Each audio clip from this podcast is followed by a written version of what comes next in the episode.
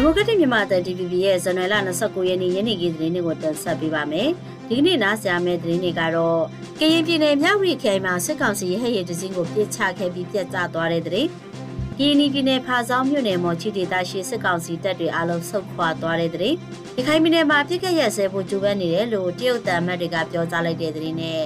စစ်ကြော်ဖြစ်မှရုံထွက်ကြဖို့ရန်ကုန်မှာလူငယ်တွေဆန္ဒပြတဲ့သတင်းတွေကိုနားဆင်ရမှာဖြစ်ပါတယ်။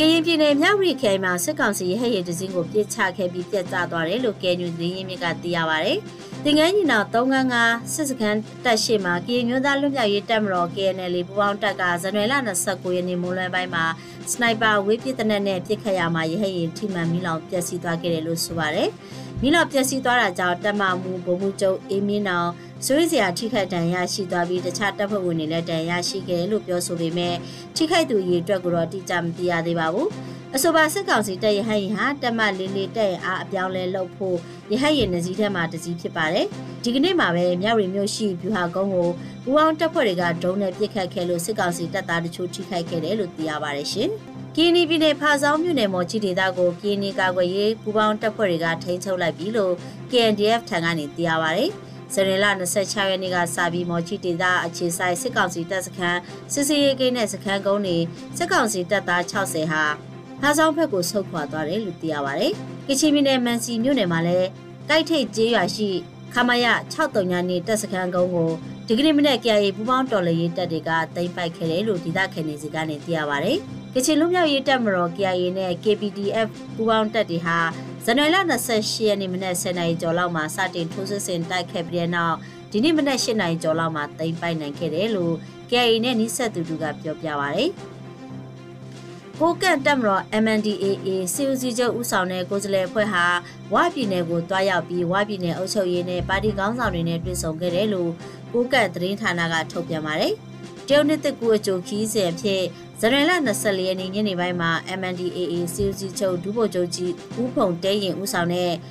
ဘိုကော်မတီကိုယ်စားလှယ်ဖွဲ့ဟာဝပြည်နယ်အုပ်ချုပ်ရေးဗဟိုရုံးချုပ်ကိုတွားရောက်ပြီးဝပြည်နယ်ဒုဥက္ကဋ္ဌဦးကျောက်ကော်အန်းဝပြည်သွေးစည်းညီညွတ်ရေးပါတီဒုတိယအထွေထွေတွဲရေးမှူးဦးပေါက်အခမ်းတို့ဦးဆောင်တဲ့ကိုယ်စားလှယ်အဖွဲ့နဲ့တွေ့ဆုံခဲ့ပါတယ်။လူနှစ်ဖက်အသက်သွေးချွေးတို့နဲ့တိဆောက်ထားတဲ့ချစ်ကြည်ရေးဟာအနာဂတ်မျိုးဆက်သစ်ခေါင်းဆောင်လက်ထက်မှာလည်းဆက်လက်ဖွံ့ဖြိုးတိုးတက်သွားမယ်လို့ကိုကန့်ဖက်ကပြောပါတယ်။ဝါပြည်သူလူထုနဲ့အတူထာဝရရက်တည်သွားမှာဖြစ်တယ်လို့ တစ်တုံညနှစ်ခွန်စစ်စေးကြီးမှာစစ်ဆောင်ပြည်သူတွေကိုဝိုင်းပြည်နယ်ကအကူအညီပေးတဲ့အတွက်အထူးကျေးဇူးတင်ကြောင်းကိုကန့်ခေါင်းဆောင်တွေကပြောခဲ့တယ်လို့လည်းဆိုရတယ်ရှင်။စစ်ကောင်စီဘက်တော်သားတွေနဲ့နန်းစီတဲ့ចောင်းသားတွေစစ်ကြုံဖြစ်ကနေရုံထွက်ကြဖို့ရည်ရွယ်တဲ့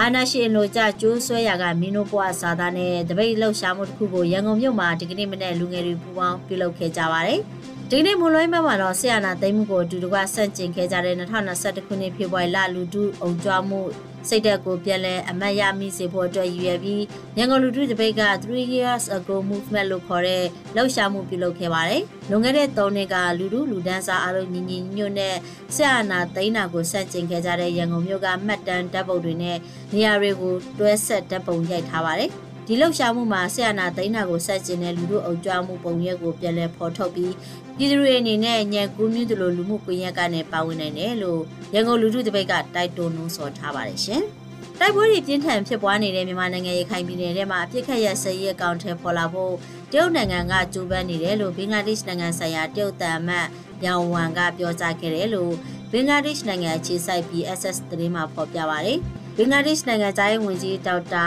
ဟာဆန်မာမွန်နဲ့နိုင်ငံသားရေးဝန်ကြီးဌာနမှလာရောက်တွေ့ဆုံတဲ့နောက်တရုတ်တန်အမတ်ကြီးကပြောကြားခဲ့တာဖြစ်ပါတယ်။တရုတ်ရဲ့ဂျားဝင်ဖြန့်ဖြေမှုနဲ့ရခိုင်ပြည်နယ်မှာအပြစ်ခတ်ရစေးသဘောတူညီမှုရခဲ့ဖူးတယ်လို့လည်းတရုတ်တန်အမတ်ကပြောပါတယ်။ရိုဟင်ဂျာတွေနေရပြန်ပို့ရေးနဲ့ပတ်သက်ပြီးတော့လည်းမြန်မာတရုတ်ဘင်္ဂလားဒေ့ရှ်နဲ့သုံးနိုင်ငံပူးပေါင်းညှိနှိုင်းဆောင်ရွက်မှုအပေါ်မှာသုံးဖက်စလုံးယုံကြည်မှုရှိကြဖို့လိုတယ်လို့လည်းဆိုပါတယ်ရှင်။ ရခိုင်ပြည်နယ်တွင်းရန်ကုန်စစ်သွေးလင်းလက်မှတ်မောက်ခိုဈေးကွက်မှာလက်မှတ်တစ်စောင်ကိုငွေကျပ်12သိန်းထိပေါက်စီရှိလာတယ်လို့ဒေသခံတွေကပြောပါရယ်ရခိုင်တပ်တော်အေကစစ်တွေမျိုးကိုတိုက်ခတ်သိမ်းပိုက်မှာဖြစ်ကြောင်းသတင်းတွေထွက်ရှိလာပြီးတဲ့နောက်ယခုဒုတိယပတ်လောက်ကစာပြီးစစ်တွေလေးစိတ်မှာလက်မှတ်ဝယ်ယူသူပိုများလာတယ်လို့ဒေသခံက TVB ဒေသခံတူက DVB ကိုပြောပါရယ်စစ်တွေရန်ကုန်လက်ရှိလေကြောင်းလက်မှတ်ဈေးဟာမြမအမျိုးသားလေကြောင်းလဲ MND မှာကျပ်ငွေ3သိန်း9000ရှိပြီးမောက်ကိုဇက်ကွက်မှာတော့ငွေကျပ်12သိန်းအထိရှိကလက်မှတ်လိုချင်သူတွေအနေနဲ့လေလက်မှတ်ရဖို့အချိန်9ရက်9ရက်အထိစောင့်ဆိုင်ပြီးဝယ်ယူနေရတဲ့အကြောင်းဒေသခံတွေစကနေသိရပါဗျ။လက်ရှိရခိုင်ပြည်နယ်မြေပြင်အခြေအနေအရ ကားလမ်းနဲ့ခီးသွားရမှာစစ်ကောင်စီကစစ်ဆေးမှုတွေများပြားနေတဲ့အတွက်အခုလပိုင်းအတွင်းလေရင်နဲ့ခီးသွားသူများပြားလာကြောင်းစစ်တွေရှိလေရင်လက်မှတ်အယောင်ဌာနတစ်ခုကတာဝန်ရှိသူကပြောပြပါတယ်ရှင်။